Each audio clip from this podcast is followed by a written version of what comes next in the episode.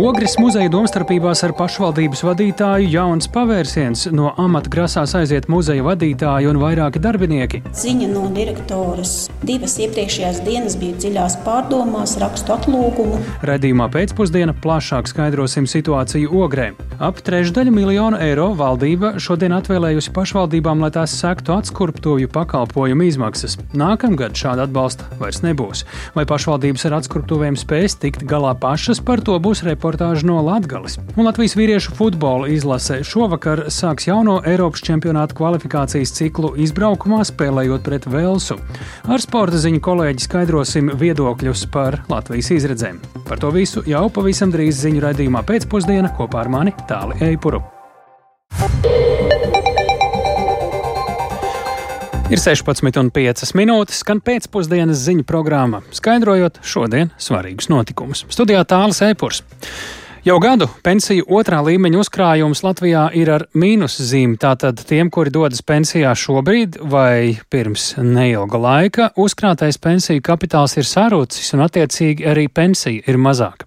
Kādas izmaiņas nepieciešams pensiju uzkrājumu fondu pārvaldībā šādā situācijā to šodien apsprieda Saimas budžeta un sociālo lietu komisija kopsēdē. Finanšu nozares asociācija arī nākus klajā ar saviem priekšlikumiem. Par to saimā diskusijas turpināsies. Vairāk Jāņa Kīņča sagatavotajā ierakstā. Atbilstoši Latvijas bankas apkopotajai informācijai, pensiju otrā līmeņa uzkrājumiem pagājušajā gadā kopējais aktīvu apjoms samazinājās un ieguldījumu ienesīguma rādītāji kritās. Tas nozīmē, ka cilvēki, kuriem šajā laikā iespēja pensionēties, otrā līmeņa uzkrājums un attiecīgi arī pensijas maksājums ir mazāks. Iedarbīga īstermiņa risinājuma šai problēmai nav, atzina Labklājības ministrijas valsts sekretārs Ingus Alliks. Viena no iespējām cilvēkam, protams, ir atlikt pensionēšanos vispār šobrīd, bet nu, skaidrs, ka daļa cilvēku, kuriem tās pensijas ir mazas, viņam Protams, tas ienākums ir svarīgs, un tur šī opcija nedarbojās. Bet nu, cilvēkiem ar lielākiem ienākumiem šajā brīdī nu, tas risinājums ir to pensionēšanos atlikt kā pirmajā, tajā otrajā līmenī. Mēs tiešām domājam par to, kā idejā termiņā šo izmaksu fāzi droši vien pilnveidot vai uzlabot, bet tūlītēji risinājumi ir tikai pensionēšanās atlikšana. Uzkrājuma negatīvo bilanci veicinājuši globālie notikumi, ieskaitot Covid krīzi un Krievijas iebrukumu Ukrainā atskaņas un strauji celtās procentu likmes. Vislielākos zaudējumus pērn cietuši tieši tā saucamie konservatīvie plāni, kas veidoti uzkrājumu saglabāšanai bez augsta riska par līdzekļu ieguldīšanu akciju tirgos. Problēmas risināšanai ar piedāvājumu klajā nāk Finanšu nozares asociācija kopā ar apdrošinātāju asociāciju. Priekšlikums paredz ļaut arī pēc pensijas vecuma sasniegšanas turpināt uzkrātā pensijas kapitāla daļas tālāku ieguldīšanu finanšu tirgos. Tas ļautu palielināt jau uzkrāto summu un uzlabotu pensionāru materiālo stāvokli. Spēkā esošais regulējums Latvijā neparedz šādu iespēju pēc pensionēšanās. Atzinīgi priekšlikumu vērtē Latvijas Bankas apdrošināšanas un pensiju uzraudzības pārvaldes vadītāja Evija Dundure patiešām būtu jāpavērtē iespēju neizņemt visu naudu vai otro pensiju līmeni, nepārdot fondu daļas vienā dienā, pensionējoties. Igaunijā un uh, arī Lietuvā, bet Igaunijā īpaši jā, šis, uh, šis piedāvājums ir ārkārtīgi pievilcīgs uh, ieguldītājiem, kā var izņemt pens uzkrāto pensijas kapitālu. Tiesa gan te būtu jāvērtē pensijas apmērs, no kura tādu piedāvājumu varētu varbūt likt galdā. Tie, kam ir tās mazās pensijas vai ļoti nelieli uzkrājumi. Saimnes komisija deputāti vienojās turpināt izvērtēt no finanšu nozares saņemto piedāvājumu un arī ar to saistītās izmaiņas likumos. Jānis Kincis, Latvijas Radio. Jā, tikko dzirdējām arī ierakstu, kurā tātad jau gadu pensiju otrā līmeņa uzkrājums Latvijā ir ar mīnus zīmi. Nu, tātad tiem, kur dodas pensijā šobrīd vai pirms neilga laika to ir darījuši, uzkrātais pensiju kapitāls ir sarucis un pensija ir mazāka. Kā un kam šādā situācijā būtu jārīkojas skatoties uz pensiju uzkrājumu fondu pārvaldību.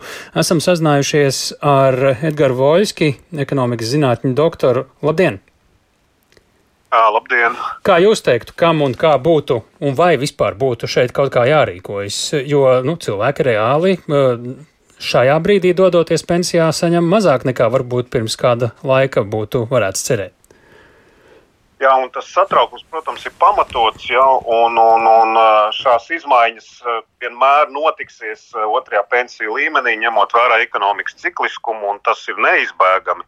Tāpēc vienmēr ir šī recepte, ko esmu iepriekš arī teicis, ka cilvēkiem ir būtiski sekot līdzi savam otrā pensiju līmeņa stāvoklim, un sevišķi laikā, kad tuvojās jūsu pensionēšanās vecums.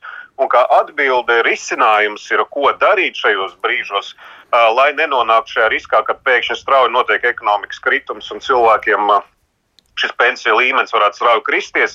Tomēr izmantot to iespēju, ka cilvēki var mainīt savu pensiju plānu. Tieši tātad. Un tas runā par to, ka svarīgi viņiem būtu izvēlēties uh, pensiju plānu, kad nevis dinamisko, bet uh, plānu, kur varbūt šis ienesīgums ir neliels, ja viņš varētu būt pat 1 vai 2% maksimāli, bet tā pašā laikā tomēr tas dod iespēju saglabāt stabilu ienākumu, un lai šis ienākums tātad, nu, būtu aptuveni, ok, šoreiz mēs runājam par augstu inflācijas apstākļiem, bet tomēr, lai saglabātu šo kapitāla pirktspēju, tomēr pārnest pēdējos piecus gadus pirms došanās pensijā savu plānu šiem saucamajiem uh, klasiskajiem plāniem, kur šis ienākums ir stabils un, un neuzņemties pārāk augstus riskus. Ja? Jo šie arī lielie kritumi, protams, vairāk saistās šajos dinamiskajos plānos. Un bieži cilvēki, ja sākotnēji ir ielikuši naudu dinamiskajos plānos un nemaina šos plānus, tad viņi diemžēl nonāk situācijā, ka tas kritums ir ļoti būtisks. Bet tas ir tad, Tāpēc kad tā. Eh, jau tas ir laikus uh, izdarāms. Šobrīd jau cilvēki ir šajā situācijā, uh, un tas arī vairāk ir no uh, pašu pensiju uh, vai tūlītējo vai tikko saņēmēju puses viedoklis. Bet ko darīt valstī šajā brīdī vai pensiju pārvaldītājiem, vai te būtu jābūt kādai rīcībai, kāda kārtība jāmaina, vai Jā. šeit ir svarīgi saglabāt līdzšinē minējo kaut kādu veidu stabilitāti, un cilvēkiem pašiem jādomā ar savu galvu. Šeit es uh, tomēr arī nedaudz pastītos valsts pusē un paņemtu. Es uh, zinu, ka ir piemērs apvienotajā karalistē, kur ir izveidots tāds saucamais pensiju garantiju fonds. Līdzīgi kā teiksim, Latvijā ir noguldījuma garantija fonds, par ko tas iet runa. Tātad, ņemot vērā, ka kad, var rasties šādas situācijas, tad pensiju pārvaldniekiem būtu jā, jā, jāmaksā noteikta summa, kas izveidot šo fondu un šādu strauju kritumu situācijā, tad tas būtu tāds zināms spilvens nākotnes pensionāriem. Tas dot iespēju tātad, kompensēt šos straujos zudumus, ja notiek kaut kāds nu, negaidīts uh, ekonomikas izmaiņas. Un tad cilvēki, lai nu, tad varētu zināmā mērā paņemt tos zaudējumus, ko viņi ieguvuši caur šo situāciju no šī fonda. Bet finansētājs šim fondam būtu tieši pensiju plānu pārvaldnieks.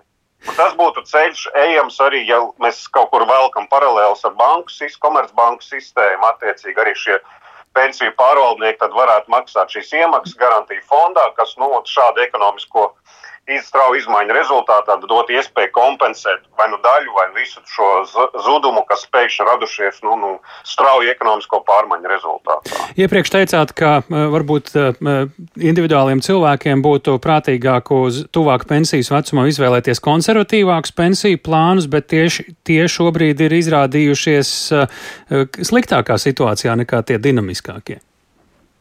Jā, bet redziet, tur atkal jāstāsta tas periods, pa kuru izmaiņa notika līdzekļus. Ja? Tur tas nenozīmē to, ka jūs esat vienā dienā pēkšņi pazaudējis to milzīgo summu. Ja? Jo tur jāskatās tas periods, kād, kurā notiek šīs izmaiņas. Ja? Un man, diemžēl, šie skaitļi nav patreiz priekšā. Bet parasti ir tā, ka šīs straujās izmaiņas mēs skatāmies kaut kādos citos periodos. Ja? Un tas nenozīmē, ka tiešā veidā, ja tur ir pateikts, ka viņas mīnus 10%, kad jūs tiešām esat mīnus 10% pazaudējis tajā brīdī. Ja, jā.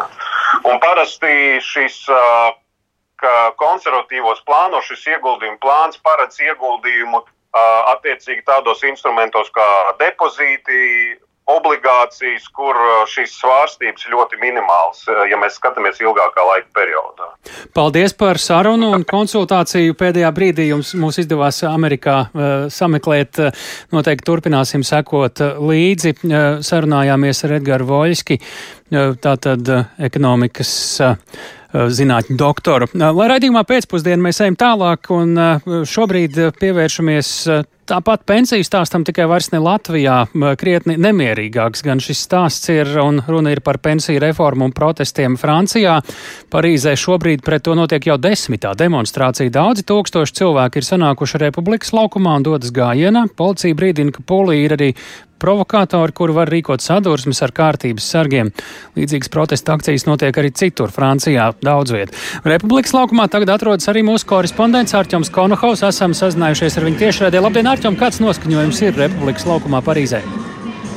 Labdien, tālu, labdien, klausītāji! Jā, tie tiešām tie diezgan trokšņains, un tas daļai atspoguļo arī šo noskaņojumu, kas ir mierīgs, savā ziņā pacelāts. Cilvēki saka, ka viņi ir gatavi cīnīties un gatavi cīnīties par savām tiesībām. Skan mūzika, gājiens ir sācies pirms kāda brīža. Cilvēki izkliedz dažādus saukļus un kopumā pagaidām viss ir, viss ir mierīgi. Protams, skatīsimies, kā tas attīstīsies, jo parasti nekārtības sākas, ja tās sākas vēlāk, jau tuvāk pēcpusdienai vakaram. Ko tad saka, ko pauž sanākušie? Kas ir tas vēstījums šobrīd, kad, kā tu jau sacīji, ir nu, jau desmitā demonstrācija? Jā, tiešām tā ir desmitā demonstrācija. Tas ir diezgan nozīmīgi un uh, tas ir būtiski, ka cilvēki joprojām tādās, uh, tādās skaitlī uh, tik daudz cilvēku nāk ielās un ir gatavi paust savu neapmierinātību ne tikai ar pensionēšanās vecumu paaugstināšanu, bet arī ar veidu, kā tas tika darīts. Protams, mēs zinām, ka parlamentā nav bijis balsojuma par šo, un, jo pre, prezidents un valdība ir izmantojuši ļoti pretrunīgu konstrukciju konstitūcijas pantu, kas ļauj pieņemt likumus bez balsojuma, ja vien valdība spēj izturēt pēc tam neusticības balsojumu. Un šo neusticības balsojumu valdība ir spējusi izturēt. Tomēr daudz protestētāji saka, ka tas ir nedemokrātiski, un šajos protestos piedalās arī neierasti daudz jauniešu. Un tādēļ es arī aprunājos ar dažiem no jauniešiem, kas ir sanākuši, un viņi saka, ka viņuprāt ir ārkārtīgi negodīgi, ka pensionēšanās vecums tiek eh, paaugstināts. Viņi saka, ja mēs tagad eh, nepaudīsim savu viedokli, nu kas tad būs tālāk, kas Jā. būs nākamais. Līdz brīdim, kad mums būs jāpensionējas, tas vecums būs krietni augstāks. Paldies! Mēs sakām tiešraidē no Parīzes Republikas laukuma eh, mūsu kolēģim Mārķimam Konohovam un atgriežamies Latvijā Ogrē. Pašvaldības konflikts ar Ogres vēstures un mākslas muzeju uzņem apgriezienus. Sācies ar atteikumu uzņemt domas priekšsērētāja Egila Helmaņa no Nacionālās apvienības iecerēto sankcijām pakļautā Krievijas oligārha Piotra Avena porcelāna izstādi muzejā un turpinājies ar atceltu izstāžu programmu, tagad sasniedzis jaunu pavērsienu. Par nodomu pamest darbu paziņojusi muzeja direktori un vairāki darbinieki. Par šī brīža situāciju Ogrē klausieties Ievas Puķes sižetām. Ogres muzeja izstāžu zālē šobrīd bija jābūt fotogrāfa Arņa Balčas izstādē par neseno pandēmiju, bet tās vietā sienas rotātas ar eklektiski savāktām glaznām no muzeja fondiem. Tāda pati fragmentācija valda 11 darbinieku galvās. No 31. marta amatu atstāja sabiedrisko attiecību speciāliste Inga Zvirbule. Vakar kolēģiem par aiziešanu paziņoja direktore Evija Smiltniece. Zvirbule nolasa viņas izziņu. Ziņa no direktoras. Divas iepriekšējās dienas biju dziļās pārdomās, rakstu atlūgumu. Ātrāk par mēnesi mani nekur nelaidīs. Visa šī nemitīgā atrakstīšanās, atšaudīšanās, atbumbošanās man vairs nav pieņemama. Visam ir robežas. Direktore kolēģus arī brīdināja, ka šorīt muzejā ieradīsies domas kontrolas komisija. Mērs Egils Helmanis Latvijas radio apstiprināja, ka pašvaldība muzejā veiks finanšu auditu, plānot reorganizāciju. Nākotnē muzejs nevis importēšot izstādes no galvaspilsētas, bet padziļināti pētīšot katru no 16 ogres novada pagastiem. Mēs nu pat Kaibalā skolā taisījām remontu Un uh, gandrīz pazaudējām to, ko bija vākuši cilvēki muzeja istabā par Kaibalas skolu un par Kaibalas pagastu sāpēm. Mēs konstatējām to, ka patiesībā tam neviens nesako līdzi. Nu, ir vajadzīga šī muzeja reorganizācija, lai šādas vērtības pat neviens neiedomātos pazaudēt. Viņas tiktu uzskaitītas, saglabātas un vairotas. Mēs aizstāvēsim mazos lauku pagastus. Mēs, nu, mēs iestāsimies par šiem mazākajiem. Un tāds ir mūsu politiskais uzstādījums. Ir. Kad mēs jau nācām pie varas, viņš bija tieši tāds pats. Politiskā vara Ogres mēra personā decembrī sāka pāraudzīt jaunizveidoto pašvaldības kultūras komisiju. Mērķis esot koordinēt Ogres novada kultūras pasākumus un celt to kvalitāti, lai sekmētu novada attīstību. Mērs Helmanis arī pats aizrautīgi pievērsies muzeja krājumu darbam. Stāsta, ka kopš kara sākuma jau sešas reizes bijis Ukrainā ar humanās palīdzības sūtījumiem un katru reizi atgriezies mājās ar ko vērtīgu. Vēlamies uztaisīt ekspozīciju par zēkaru un lēnām vedam kaut kādus Eh, lai cilvēkiem būtu sapratne par to, kas tur vispār notiek.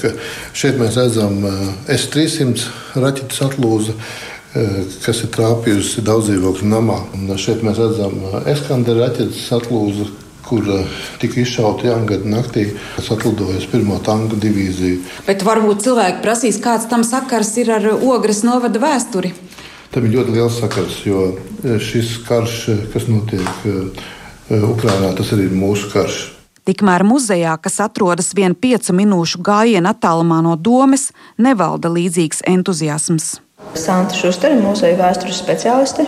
Man ir visskumjāk, jā, šis šī iejaukšanās darba saturā, darba plānošanā, tas, ka šobrīd eh, domas amatpersonas ir tās, kas veido muzeja izstāžu plānu, nākotnē tēmas nosaka. Man kā, kā vēsturniekam tas ir visai sarežģīti, piemēram, 18. gadsimta salikt vienā izstādē ar 20. gadsimta sākumu.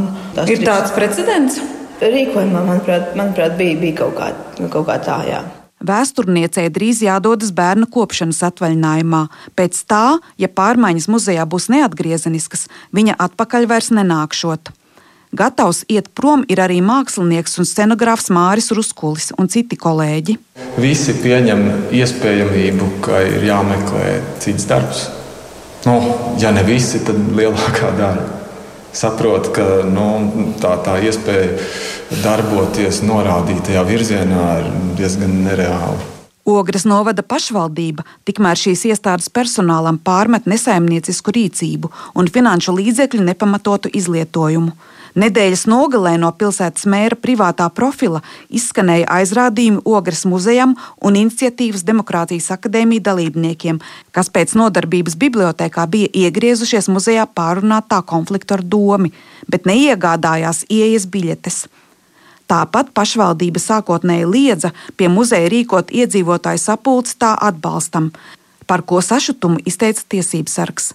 Neviens no ogres iedzīvotājiem, ko sastapu pilsētas gājēju ielā, šo situāciju nevēlējās komentēt. Ieva Puķe, Latvijas radio. Turpinām sekot arī šīm stāstām, bet pašvaldībās ir ne tikai muzeja, ir arī tāds pakalpojums kā atskurptuve. Lai pašvaldības varētu sekt atskurptuvi pakalpojumu izmaksas, valdība šodien 35 vietvarām ir atvēlējusi teju trešdaļu miljonu eiro no līdzekļiem neparedzētiem gadījumiem. Taču no nākamā gada šādas kompensācijas, kas iepriekš gadu maksātas, vairs nebūs. Šobrīd valsts sēdz līdz 15 eiro par katru atskurpšanas telpā ievietoto personu, taču ar to visu reāli izdevumi joprojām ir lielāki. Īpaši atskurpšana notiek eh, slimnīcas telpās. Situāciju caur piemēru Latgalē devās skaidrot Silvijas Māgare. Stacionārā narkoloģijas nodaļa Dāngāpus reģionālajā slimnīcā ir tā, kas nodrošina atskrupšanas pasākumus visai plašā teritorijā dzīvojošiem iedzīvotājiem. Līdz e, Rezeknei, Lūdzam, Balviem, e, pats Madonai, jā, nu, paparasti līdz Iekapilī, jā, tā no Iekapils slimnīcas, no Madonas aizkrauklis. Nodaļā ir 28 gultas vietas, šonakt puse bijušas aizpildītas. Izdevumus par saviem iedzīvotājiem sec pašvaldības, bet summu līdz 15 eiro par katru ievietoto personu finansē valsts. Mums sanāk sanāk gandrīz katru mēnesi jāmaksā vairāk nekā 2000 par detoksikācijas Jā. pakalpojumu. Mums vidēji apmēram 22, 23, bet ziemas eh, mēnešos parasti to ir vairāk ap 40. Šo pakalpojumu mēs pērkam. Mēs pērkam Daugopils reģionālajā slimnīcā, jau savas atskruptuves mums nav. Augšdaugavas novads par pērno gadu, kā stāsta domas sociālā dienesta vadītāja Anna Jagarava, kompensācijas veidā par savu iedzīvotu atskrubināšanu saņems nepilnus 10 tūkstošus eiro, gandrīz 50 tūkstoši Daugāpils pilsēta. Aptuveni mēs aprūpējām aptuveni 2,5 tūkstošu klientus gadā. Vidē mums dienā atrodas detoksikācijas palātas no 16 līdz 18 klientiem. Ja pērn diennakts uzturēšanās Dāngāpus reģionālās slimnīcas narkoloģijas nodaļā izmaksāja 32,98 eiro un pašvaldības ar valsts atbalstu varēja nosakt pusi izdevumu, tad ar šo gadu šis atklāšanas pasākums Dāngāpus reģionālajā slimnīcā maksā jau uz pusi vairāk, stāsta slimnīcas vadītājs Grigārijs Simjonovs. Īstenībā šī maksa nebija pārskatīta kopš 2010. gada. Ar šī gada 1. janvāri mēs palielinājām šo cenu līdz 56,35 eiro. Bet ir jāsaprot, ka tas savā mērā ir kompromisa risinājums, jo īstenībā mūsu izmaksas arī ir daudz lielākas.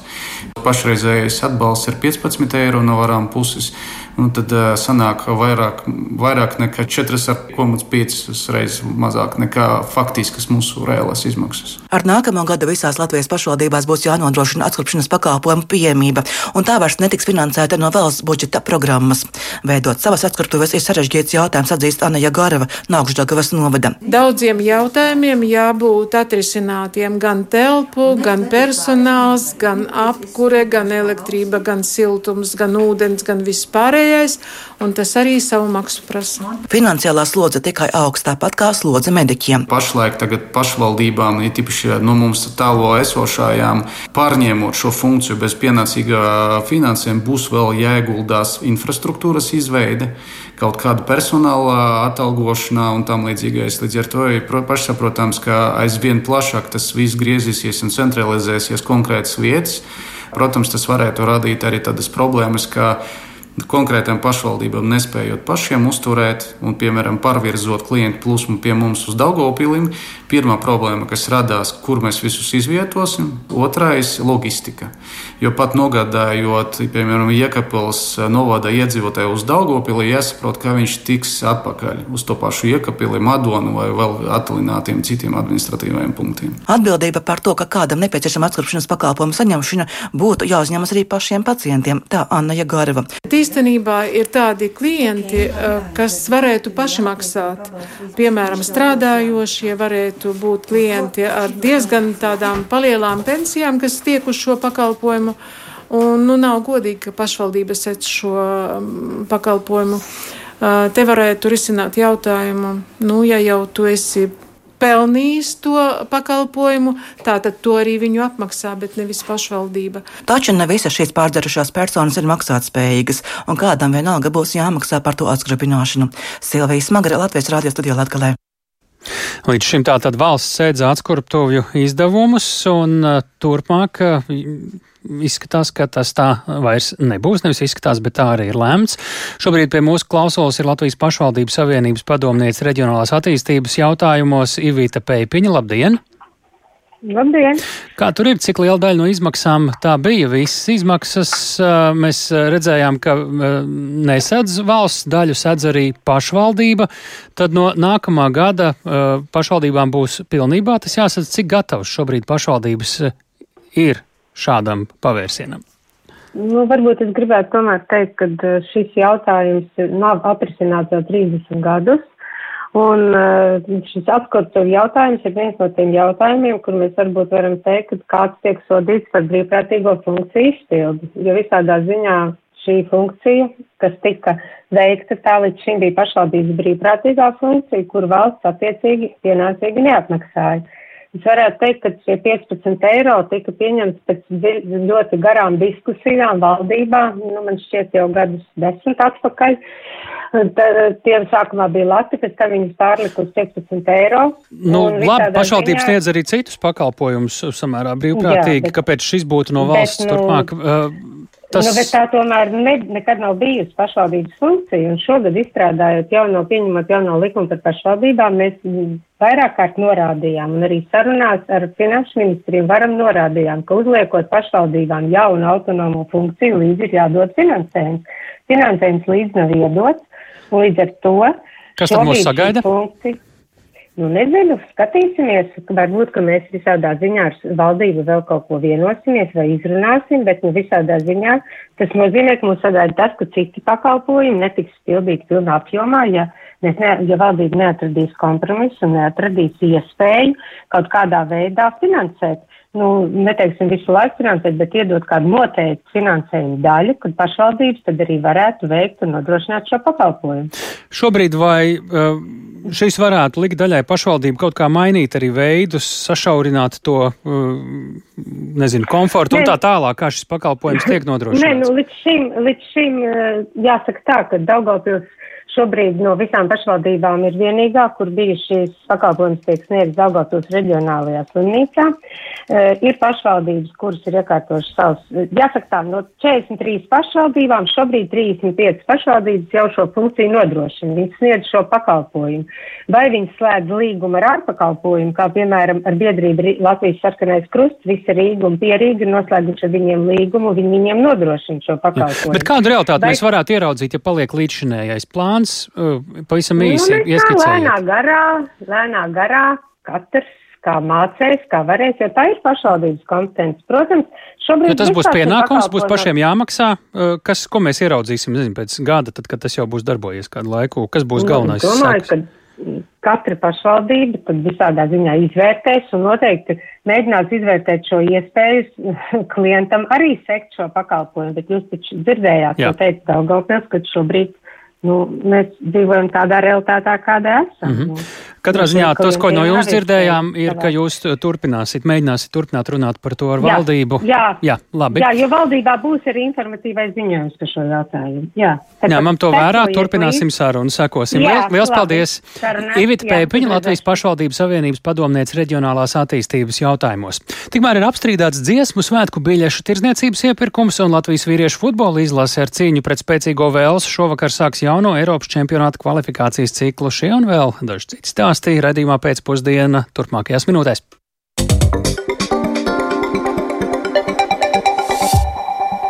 Pavērsiens dziesmu un dēļu svētku biļešu tirzniecības stāstā uzņēmums Biļešu servis apstrīdējis Nacionālā kultūras centra lēmumu uzticēt biļešu tirzniecību biļešu paradīzei. Biļešu servis prāt, biļešu paradīzes piedāvājums ir nepamatoti lēts, tāpēc biļešu servis lūdz atcelt konkursu, konkursu rezultātus un atkārtot vērtēt iesniegtos piedāvājumus. Savukārt Nacionālais kultūras centrs un konkursu uzvarētāja biļešu paradīze šādu apstrīdēšanu sauc par nepamatotu. Plašāk par situāciju Agnijas Lāsdiņas ierakstā.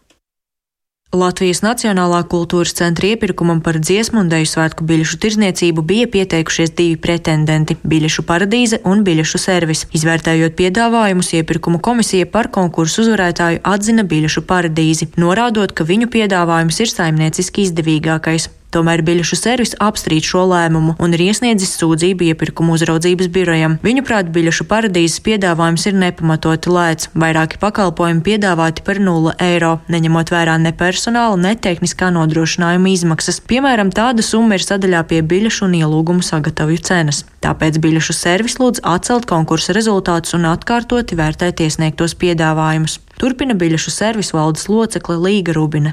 Iepriekš mēs jau esam vērsuši uzmanību janvārī jau uz to, ka bija bažas par uh, iespējamo vērtēšanu atsevišķos punktos. Tad daļēji dziesmu deju svētku rīkotāji šo te vērā un, un tika veikti labojumi, taču tomēr tur palika vēl atsevišķas nianses, kur var rasties uh, spēja kādam pretendentam neskaidriem uh, vērtējumiem. Un, ja mēs arī apskatāmies uz to, ka vispār pretendenti šajā iepirkumā bija tikai divi, neskatoties uz to, ka spēlētāji tirgu ir septiņi, nu, tad tas arī tomēr liecina par to, ka šī iepirkuma dokumentācija nu, tomēr īsti saprotama pretendentiem nebija. Rubina piebilst, ka viņus māc bažas, ka varētu atkārtoties līdzīga situācija, kāda bija pirms pieciem gadiem, kad biļešu paradīzei arī bija uzticēta iepriekšējo dziesmu un deju svētku biļešu tirgošana. Svētku rīkotāji to laik vērsās tiesā pret biļešu paradīzi, uzskatot, ka tirgotājs pārkāpis līguma noteikumus, iekasējot papildu maksu par biļešu pirkšanu internetā. Vēlāk panākts izlīgums un biļešu paradīze atmaksāja svētku rīkotājiem vairāk nekā 76 tūkstošus eiro. 27.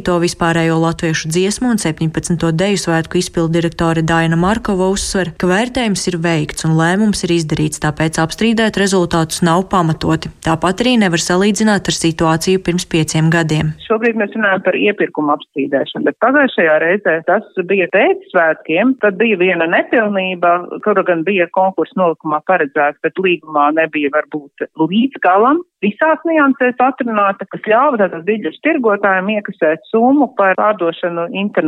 Šis ir mums cits gadījums, bet toreiz tika panākts šis miera izlīgums, ka tika atmaksāta, nu, teiksim, šī kompensācijas summa. Tāpēc arī šajā iepirkumā mēs eh, šos kvalitātes kritērijus un to iepriekšējā gada pieredzi iekļāvām šajās prasībās. Līdz iepirkuma uzraudzības biroja lēmumam tālākas darbības pagaidām nav iespējamas, proti nevar noslēgt ne līgumu ar uzvarētāju, ne arī uzsākt biļešu tirdzniecību. Kā stāsta biļešu paradīze valdes priekšsēdētājs Jānis Čuzulis, šobrīd atliek vien gaidīt iepirkuma uzraudzības biroja lēmumu. Tomēr ir pārliecināts, ka gan līguma, gan biļešu tirdzniecības aizkavēšana ir vienīgais, ko biļešu servis paveiks ar iesniegto sūdzību. Biļešu paradīze ir pilnīgi pārliecināts par savu piedāvājumu. Izteiktais piedāvājums ir korekts un pamatots un pārdomāts, un mēs nekādā veidā nejūtamies apdraudēt no kādām sūdzībām. Uzskatu, ka tā ir nepamatota, un mēs sniegsim visu nepieciešamo informāciju Nacionālais kultūras centrs ir lūdzis iepirkuma uzraudzības birojam pēc iespējas ātrāk izskatīt sūdzību par dziesmu un deju svētku biļešu tirzniecības iepirkuma rezultātiem, lai varētu uzsākt biļešu tirzniecību. Agnija Lazdiņa, Latvijas radio. Nevienmēr ar biļešu tirzniecību vai kādiem lielākam cilvēku skaitam piedāvātiem pakalpojumiem patērētāji var būt apmierināti. Lai atvieglotu iespējas patērētājiem aizstāvēt savas tiesības, Latvijā ieviesīs kolektīvās patērētāju prasības. Tā šodien lēms valdība, un tas nozīmē, ka patērētāji, kam pārkāpuma dēļ būs radies kaitējums, tiesā varēs vērsties ne tikai individuāli. Pie jaunās kārtības patērētāja vārdā kolektīvo prasību cels kvalificētā institūcija patērētāju biedrība. Kā tas darbosies pie mūsu klausulas ekonomikas ministrijas iekšējā tirgus departamenta pārstāvis Dīdzis Brūklītis? Labdien!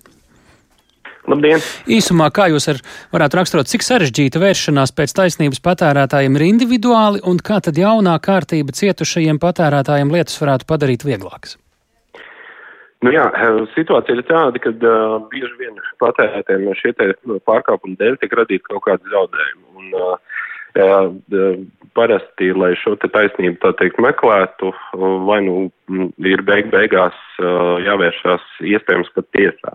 Un tad ir situācijas, kad pirmkārt šī tiesas nodeva, kā arī zināšanu trūkums, parasti ir tas šķērslis, kas liedz patērētājiem, tā teikt, savus atgūt savus um, zaudējumus, kas viņam ir nodarīti dēļ šī patērētāja tiesību pārkāpuma. Līdz ar to šī jaunā kārtība paredzēs, ka uh, patērētāji, vismaz pieciem patērētājiem būtu jābūt, lai uh, vērstos pie šīs te uh, kvalitātās institūcijas, kur tad faktiski uzņemās šo te uh, prasības pieteikumu sagatavošanu, attiecīgi vēršanos tiesā, lai, lai varētu uh, šiem te patērētājiem atlīdzināt dēļ, dēļ pārkāpumu nodarītos zaudējumus un attiecīgi tādā veidā uh, gūt šo te uh, atgūt šo, šo, šo jā, te, kaitējumu, zaudējumus. Kaitējumu, Kas šie par kvalificētiem, kvalificēto institūciju patērētāju biedrība? Tas jāveido būtu pašiem patērētājiem, vai tie būtu kādi uzņēmēji vai organizācijas, kas to darītu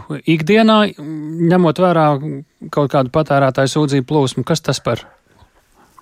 Šī kvalificēta institūcija ir domāta kā patērētāju interešu pārstāvoša nevalstiska organizācija, biedrība, kura attiecīgi tad, kurai attiecīgi būtu piešķirts šis status kvalificētās institūcijas, kura to varētu darīt. Un šo te izvērtējumu vai status piešķirs attiecīgi uh, patērētāju tiesību aizsardzības centrs, ja viņi atbildīs mm. likumā noteiktiem kritērijiem. Paņemam kādu piemēru, lai cilvēkiem vieglāk saprotams īsi un vienkārši. Es nezinu, man nāk prātā turismu pakalpojumi, tās pats pašas biļetes, nezinu, un tā tālāk. Joms var būt ļoti dažādas, bet mums arī Latvijā ir, piemēram, patērēta interešu pārstāvošas nevalstiskās organizācijas, un kā lielāko varētu minēt Latvijas Uh, patērēta interešu aizstāvības asociācija. Nu, organizācijas var būt ļoti dažādas, bet uh, viņām pirms viņas vēršās būtu tas status kā tas nav tā, ka jebkurš, uh, jebkurš varētu šādu organizāciju uztaisīt. Uh, viņam tomēr ir jābūt ir kaut kā jāizpildā šiem kritērijiem, kas ir likumā. Nu, tur ir tie vismaz pieci patērētāji e, un līdzīgs gadījums, un viens un tas pats, ja tā var teikt, I, potenciālais vainīgais. Ja? jā, potenciālais vain, viens vainīgais ir līdzīgi apstākļi par vienu un to pašu jā. lietu, piemēram, nezinu, netaisnīgi līguma noteikumi, piemēram, nu, jā. vai arī kaut kāda maldinoša komercpraktika īstenot. Labi, apmēram un galveno sapratām, tad, kad eh, vēl šis ir jāpieņem saimā, tad jau skaidrosim arī precīzāk un tuvāk. Lielas paldies Diedzim Brūklītim, ekonomikas Jā. ministrijas iekšējā tirgus departamenta pārstāvim. Nu, ko to, ka komandā vai apvienotiem spēkiem var šo to labu panākt, šodien centīsies apliecināt Latvijas futbolisti. Latvijas vīriešu futbola izlasē šovakar jāsāk jauno Eiropas čempionāta kvalifikācijas ciklu Šoreiz izbraukumā spēlējot pret spēcīgo Velsas izlasi. Latvijas izlase pagājušajā nedēļā pārbaudas spēlē, gatavojoties ar 2-3 zaudēju īrijai. Savukārt šī vakara pretinieki Velsieši savā jau pirmajā kvalifikācijas spēlē ir nospēlējuši neizšķirti viens pret viens pret arī spēcīgo Horvātiju. Plašāk par gaidāmo kvalifikācijas ciklu esam sazinājušies ar sporta ziņu kolēģi Māri Bergu. Māri, Latvijas izlasēji bijis laiks gatavoties šim mačam, aizdot, kā dzirdējām, arī pārbaudas spēli. Kāda šobrīd ir viedokļi dzirdami no Latvijas nometnes par situāciju izlasēs? Veiks! Sveiks, tēls, sveicināt klausītāji. Latvijas izlasē tik tiešām ir bijis daudz laika sagatavoties spēlē pret Velsu. Izlase kopā trenējusies nedēļu, tāpat arī aizvadījusi tevis minēto pārbaudas spēli pret īriju, un šoreiz tiešām nevar sūdzēties par laika trūkumu, lai sagatavotu kādas taktiskās iestrādnes. Kā ierasts pirms spēles galvenajam trenerim Dairim Kazakevičam bija neskaidrības par atsevišķu spēlētāju došanos pamatsastāvā, taču kopumā gandrīz viss Daņa iecerētais ir arī izdarīts treniņos. Tāpat viņš atzīst, ka Velsa savu skatītāju priekšā neapšaubāmi būs favorīti, taču arī Latvijas izlase Kārdifā, protams, ir noskaņota cīnīties par trim punktiem turnīra tabulā un uzvaru. Kazakevičs arī pastāstīja, ka Velsā bijis ļoti nekvalitatīvs treniņu laukums, kas īsti neatbilst profesionālā futbola vajadzībām, taču par to viņš gan ļoti nepārdzīvo. Turpinājumā klausāmies Latvijas izlases galveno treneri Dainu Kazakeviču. Tādā ziņā tas bija tāds ļoti liederīgs posms, kad varēja starp spēlēm gan izanalizēt pamatīgi mūsu veikumu Dublinā, gan piekoriģēt tās taktiskās nianses, ko mēs gribam labot, gan arī pastrādāt uz tādām mentālajām lietām, uz, uz kolektīva stiprināšanas pasākumiem. Tā kā šajā ziņā es domāju, mēs esam aizvadījuši tādu pietiekami kvalitatīvu laiku kopā. Spēles skaidrs, ka būs tāds liels izaicinājums uh, mums, jo tomēr mēs redzam, ka Tā jau nebūs pārbaudas spēle ar plašām maiņām. Tā būs spēle uz simtprocentīgi uz rezultātu. Priekš mums tā ir pirmā spēle kvalifikācijas jaunajā ciklā. Kā, nu, es, es, es esmu pārliecināts, ka mēs esam ļoti iedvesmoti tam, lai izdarītu visu, lai parādītu labākās kvalitātes, uz ko mēs esam šobrīd spējīgi. Jā, nu novēlēsim, lai Latvijas izlasē izdodas parādīt savas labākās kvalitātes šodien laukumā tāli. Jā, Mārķis, nu, Velsa futbola draugi to zinās, pārējiem atgādināsim, nu tā ir kvalificējusies gan pēdējiem diviem Eiropas čempionāta fināla turnīriem. Ir arī tikko pasaules kausā daudziem svaigā atmiņā spēlējusi, tas nozīmē arī kvalificējusies, tas nozīmē vēl sīvāku konkurenci. Var teikt, ka mēs šodien varbūt spēlējam arī pret grupas favorīti. Jā, Velsa noteikti ir viena no favorītiem šajā grupā. Es neteiktu, ka viņi būtu galvenie favorīti, taču Velsa noteikti ir gan spēcīga, lai atkal pacīnītos par iekļūšanu fināla turnīrā. Pasaules kausa katrā viņiem nebija veiksmīgs grupā paliekot pēdējiem, un eh, pēc tā turnīra no izlases aizgājuši vairāki spēlētāji. Neapšaubāmi lielākais zaudējums ir Garets Bēls, kurš paziņojis par savas profesionālās karjeras beigām. Velsas izlases ilgadējais līderis šodien būs stadionā, un Bēls tiks godināts par viņa paveikto izlasi izlasē.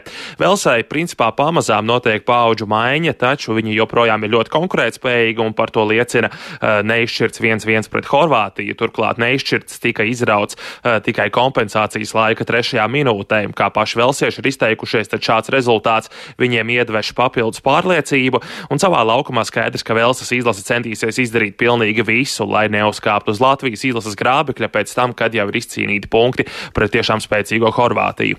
Nu jā, mēs esam dzirdējuši tagad Velsa, Latvija, Horvātija. Kas mums vēl tur ir grupā, cik tā ir spēcīga šobrīd? Mm. Jā, nu mums eh, vēl grupā ir divas komandas. Eh, šīm tevis trim nosauktajām pievienojas arī Turcija un Armēnija. Visas šīs izlases ir gan spēcīgas, un tās var iekost cita citai. Uz papīra stiprākās teorētiski ir Horvātija un Turcija, taču Vels un Armēniju noteikti nedrīkstam novērtēt par zemu.